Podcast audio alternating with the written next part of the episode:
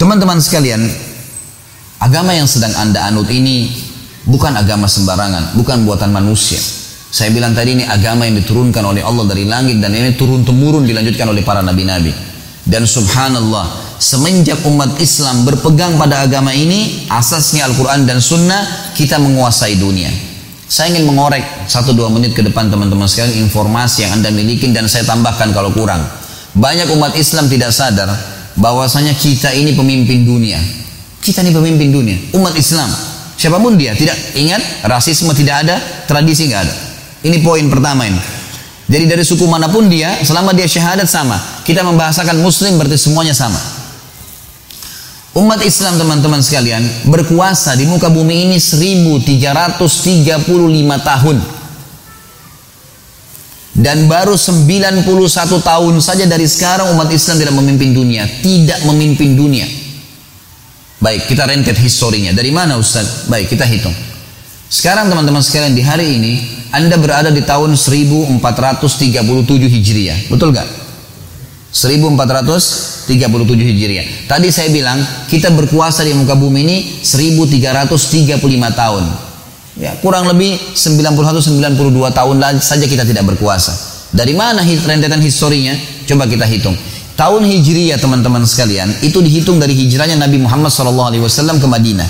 Benar nggak? Kok nggak ada nyaut nih? Masih hidup nggak? Baik. Teman-teman sekalian, tahun 1 Hijriah, hijrah Nabi Shallallahu Alaihi Wasallam, dan itu pertama sekali Nabi Shallallahu Alaihi Wasallam mendirikan negara Islam di Madinah. Beliau Nabi dan rajahnya penerap hukum hukum Allah Subhanahu Wa Taala. Kita tahu Nabi SAW cirinya Nabiyin ummi, Nabi yang buta nggak bisa baca nggak bisa nulis. Yang diterapkan adalah Al-Quran dan sunnahnya, sunnah beliau Shallallahu Alaihi Wasallam. Sampai tahun 11 Hijriah, awal tahun 11 Nabi SAW meninggal dunia. Kemudian datang Khalifah Rashidah yang pertama Abu Bakar dari tahun 11 sampai tahun 13. Setelahnya datang Umar bin Khattab dari tahun 13 sampai 23 dan di zaman Umar bin Khattab ini setengah dunia dikuasai oleh Islam. Karena tahun 14 Hijriah terjadi perang Yarmuk, ekspansi Islam ke wilayah Syam, utara Jazirah Arab. Palestina, Syria, Lebanon dan Yordania dan bagian as, as, bagian Asia dari Turki serta Amr bin As radhiyallahu anhu ajma'in sahabat ekspansi juga Islam ke Mesir. Jadi seluruh utara Jazirah Arab itu sudah masuk Islam, masuk juga bagian baratnya Jazirah Arab, Afrika, Mesir, kemudian Afrika Utara, Tunis, Jazair, Maroko, suku Barbar masuk Islam. Di tahun 15 Hijriah, Umar bin Khattab mengutus pasukan lain dipimpin oleh Sa'ad bin Abi Waqqas menuju ke wilayah Persia, wilayah timur Jazirah Arab. Irak, Iran, Afghanistan, sebagian wilayah India, dan juga sebagian besar wilayah Rusia. Ini takluk di tangan kaum muslimin. Dan akhirnya kita tahu, ya kalau bapak-bapak ibu belum tahu maka saya sampaikan, kalau sudah tahu Alhamdulillah. Enam orang periwayat hadis kita dari negeri Syam, dari negeri Persia. Bukhari, Muslim, Abu Dawud, Tirmidzi, Ibnu Majah, Nasai. Ya. Ini semuanya dari wilayah Persia, ya. Irak, Iran, Afghanistan semua karena ekspansi Islam yang luar biasa sampai ke sana. Jadi di zaman Umar bin Khattab tahun 14 sampai tahun 15 Hijriah terbuktikan mukjizat Nabi Muhammad SAW waktu perang Ahzab. Surah Al-Ahzab surah 33 menjelaskan masalah itu kita kenal dengan perang Khandaq. Pernah satu waktu ada batu yang tidak bisa hancur, maka para sahabat mengatakannya Rasulullah coba lihat batu tersebut. Nabi SAW datang lalu Nabi SAW menghantam dengan keras ya dengan kampak beliau Akhirnya batu tersebut pecah dan mengeluarkan cahaya. Lalu beliau bertakbir, Allahu Akbar. Ya. Kemudian bila hantam yang kedua kali, tak keluar cahaya lagi, Allahu Akbar sampai tiga kali. Lalu kata para sahabat ya Rasulullah, kenapa tadi cahaya itu keluar? Kata Nabi SAW, apakah kalian lihat cahaya itu? Mereka bilang iya. Sesungguhnya Allah menjanjikan, Allah memperlihatkan kepada saya di pukulan pertama, bahwasanya kerajaan eh, kerajaan Syam, Bizantium Romawi takluk di tangan umatku.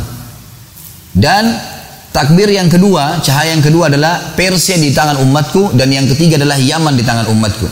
Dan sekarang terbukti semuanya, gitu kan? Baik. Umar bin Khattab meninggal tahun 23 Hijriah teman-teman sekalian dipimpin oleh Uthman bin Affan setelahnya. Uthman bin Affan juga mengekspansi Islam tapi lebih banyak di, mempertahankan wilayah kaum muslimin dan mengirim dai-dai. Dan perlu Anda tahu secara histori, Indonesia ini dimasukin Islam di zaman Uthman bin Affan. Karena kita punya data-data ya beberapa kuburan yang ditemukan di wilayah Aceh yang memang nama-nama ini tidak tidak asing. Ya nama-nama ini tidak asing di buku-buku sejarah Islam. Mereka adalah dai-dai Utsman bin Affan yang berkuasa dari tahun 23 Hijriah sampai 37 Hijriah. Datang setelahnya Ali bin Abi Thalib radhiyallahu anhu majma'in khalifah Rashidah yang keempat memimpin dari tahun 37 sampai 40 Hijriah.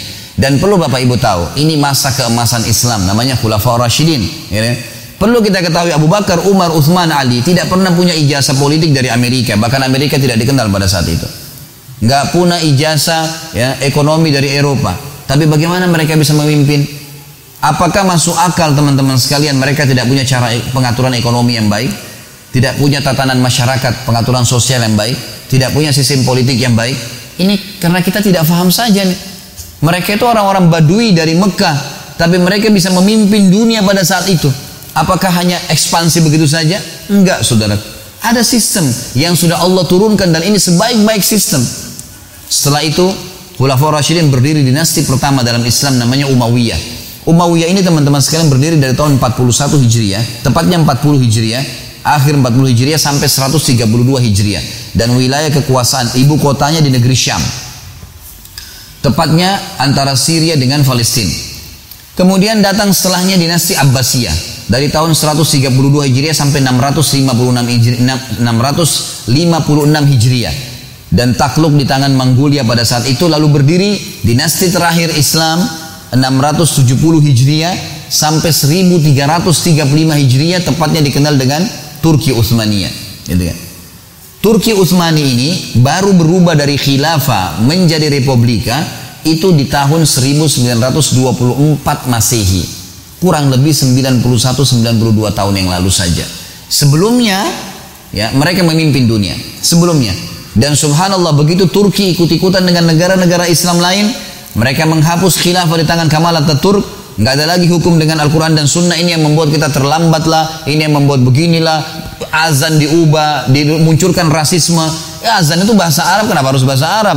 Harus diubah jadi bahasa Turki, gitu kan? Semua diubah. Jilbab itu tradisi orang Arab, nggak usah dipakai. Jadi dihapus, dimunculkan rasisme kembali. Akhirnya Islam ditinggalkan dan sekarang sudah mulai di Indonesia nih. Ada Islam Nusantara, gitu kan? Lalu muncul ngawur nih, gitu kan. Akhirnya nanti azan pakai bahasa Indonesia. Nanti setiap wilayah pakai bahasa, orang Jawa pakai bahasa Jawa azannya, orang Bugis pakai bahasa Bugis. Ini sudah ke mana-mana nih. Muncul lagi seperti yang dimunculkan oleh mereka. Saya sudah bilang dari awal, jangan ada rasisme, gitu kan. Bahasa Arab digunakan karena Allah turunkan Al-Quran dalam bahasa Arab. Maka kita belajari bukan karena orang Arabnya, bukan karena orang Arab ini cuma variasi kehidupan. Nggak ada fanatisme di situ. Teman-teman sekalian, Waktu Turki mulai berkiblat dengan Eropa dan diruntuhkan khilafah, nggak boleh lagi pakai Al-Quran dan Sunnah, sampai militer pun tidak boleh sholat berjamaah dan seterusnya. Banyak hal yang dilakukan oleh mereka. Maka akhirnya jadilah Turki sama dengan kita Indonesia. Kiblatnya kita bukan lagi Al-Quran dan Sunnah tapi Belanda. Teman-teman di Malaysia kiblatnya Inggris. Teman-teman di Afrika, Mesir, Tunis, Jazair, Maroko, Prancis dan seterusnya. Turki pun berpegang pada Eropa runtuh semuanya, habis. Akhirnya terpetak-petaklah umat Islam dengan negara-negara masing-masing sampai orang Indonesia pun atau orang Malaysia datang ke negaranya lewat perbatasan saja bisa ditembak kalau nggak punya izin. Hilang, muncul rasisme, muncul ya pepetak-petakan dan ini yang berbahaya. Kata Nabi SAW tadi sudah bilang hal yang kecil.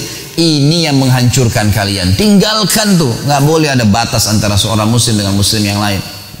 Teman-teman sekalian, saya punya data-data dan ini masih dalam manuskrip banyak tulisan-tulisan yang ditulis dan di, ada di museum Turki, ada di museum Spanyol, banyak tulisan-tulisan ini. Di antaranya ada teman-teman, ada grup para ustadz-ustadz di WhatsApp, eh, kami saling mengirim, ada data-data tertulis bahwasanya di zaman kerajaan Khilafah Utsmaniyah dulu itu seluruh ya, raja-raja Eropa yang belum masuk Islam, termasuk ada foto, mas, sudah ada foto pada akhir-akhir kerajaan Utsmaniyah tapi masih hitam putih dan ditaruh dalam sebuah buku itu e, ratu raja Swedia bukan Islam Nasrani Katolik tapi istrinya ada fotonya itu menggunakan cadar. Dan hampir semua wanita ya ratu-ratu Eropa pada saat itu yang belum Islam itu wanitanya pakai cadar. Dan ditulis itu dalam bahasa Arab terjemahannya kurang lebih dia bilang Ini dulu pada saat Islam berjaya dan berpegang pada kitab Al-Quran dan sunnah Nabi SAW, maka Allah subhanahu wa ta'ala membuat seluruh wilayah non-muslim pun mengikuti tradisi umat Islam. Menjadikan Islam sebagai tradisi mereka. Sampai ratu-ratu mereka pakai cadar karena ratu-ratu muslimin pakai cadar. Pada saat umat Islam berkuasa maka mereka menjadikan Islam sebagai contohnya. Para pendeta dan pastor teman-teman sekalian tercurit tertulis dalam buku-buku manuskrip tulisan tangan yang sudah lama dari zaman dulu nih dari abad ke-18 masih 1800 1900 mereka berkata kami khawatir dengan anak-anak muda kami ya, karena mereka ya, meninggalkan ya, atau mereka menjadikan Islam sebagai kebiasaan mereka. Sampai seseorang di antara mereka kalau mau melamar seorang wanita merasa bangga kalau namanya nama Islam atau dia bisa menggunakan bahasa Arab. Betul-betul ada datanya ada data seperti itu. Dan kalau kapal-kapal kaum muslimin dari kerajaan Utsmaniyah dulu lewat ya di wilayah-wilayah perairan Eropa yang belum masuk Islam di sana mereka tidak berani membunyikan lonceng gerejanya karena khawatir mengganggu kaum muslimin. Sampai pada tingkat itu. Dan kejayaan luar biasa. Ini bukan karangan saya ini histori sejarah.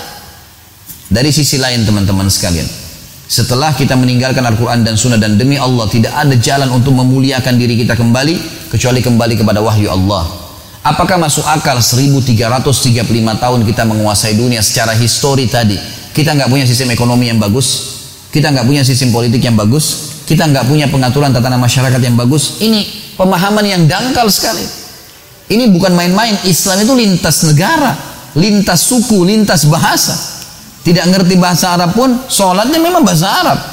Doanya memang diucapkan dalam bahasa Arab, zikir-zikirnya dalam bahasa Arab. Sama semua kita punya standarisasi dalam masalah ini. Dari sisi lain teman-teman sekalian, disembunyikan oleh banyak orang-orang non muslim dan orang Islam harus tahu masalah ini. Bahwasanya semua teknologi yang ada sekarang perkembangan yang kita banggakan dari penerangan lampu dari alat-alat teknologi kendaraan-kendaraan otomotif sekarang semuanya teman-teman sekalian dari kaum muslimin data-datanya ada. Sampai sekarang manuskrip ada di Spanyol seperti misalnya orang-orang Eropa pun tahu masalah itu sampai ada sekarang mereka buat film yang mengangkat akhirnya itu. Saya lihat beberapa cuplikannya, gitu kan. Saya tidak sarankan tentu Anda khusus nonton film ini, tapi saya sempat lihat cuplikan sedikit saja. Kalau Anda ketik di YouTube, coba tulis ya hal-hal yang tersembunyikan, hal-hal yang disembunyikan dari agama Islam. Ada cuplikan di situ sekitar mungkin durasi 15 menit bagaimana mereka akhirnya mengungkap masalah itu. Teman-teman sekalian, yang paling pertama menemukan ya menemukan teori terbang penerbangan seorang muslim bernama Abbas bin Akhnas. Abbas bin Akhnas masyhur namanya di Eropa. Dulu dia di Spanyol dan ada bukunya. Bahkan dalam buku itu dia menulis teori-teori bagaimana membuat pesawat terbang dan dia membuat praktek, dia buat dua buah sayap dengan tangannya sendiri di zaman itu, gitu kan? Dan dia sempat loncat dari atas gunung sampai mendarat di daratan di bawah tidak meninggal dunia. Dan teori ini diambil pada saat Spanyol jatuh jatuh di tangan kerajaan ya Bizantium Nasrani pada saat itu. Akhirnya umat Islam menjadikan dari Spanyol buku ini diambil terjemahkan oleh dua ilmuwan dari mus, dari dari dari Inggris dan akhirnya dicatatlah dalam sejarah manusia mereka menemukan pesawat. Padahal ini jelas faktanya ada. Yang kedua kita tahu ilmu matematika yang masyhur. Ada yang mereka bisa hapus ada yang mereka tidak ini tidak bisa mereka hapus. Akhirnya mereka cuma mengatakan ilmu aljabar Al-Jabari dari mana? Nama seseorang muslim dari Spanyol namanya Abdul Jabbar, ahli matematika yang paling masyhur. Sampai sekarang mereka tidak bisa hapus namanya. Ada yang menemukan lampu yang kita tahu Thomas Edison, padahal sebenarnya dia menerjemahkan buku yang ditulis oleh Al-Jaziri, masyhur. Dan teori Al-Jaziri menemukan lampu, menemukan otomotif, menemukan pesawat terbang, menemukan mesin-mesin dan seterusnya dan cukup banyak ilmuwan-ilmuwan muslim yang tidak disebutkan nama-namanya. Belum kita bicara masalah ilmu alam, belum bicara ilmu lautan. Mereka sudah pelajarin semua. Dan sampai sekarang teman-teman sekalian di Eropa yang paling dibanggakan oleh orang-orang Eropa justru peninggalan bangunan kaum muslimin. Seperti di Spanyol yang paling terkenal jembatan yang dibuat oleh dulu kerajaan Islam, ya bangunan-bangunannya. Sampai sekarang kalau Anda punya kelebihan rezeki Anda bisa ikut paket umroh sekalian ke Cordova, melihat peninggalan Islam di Spanyol. Luar biasa. Bangunan-bangunan mereka sekarang dibanggakan oleh kerajaan, oleh pemerintahan Spanyol itu sendiri.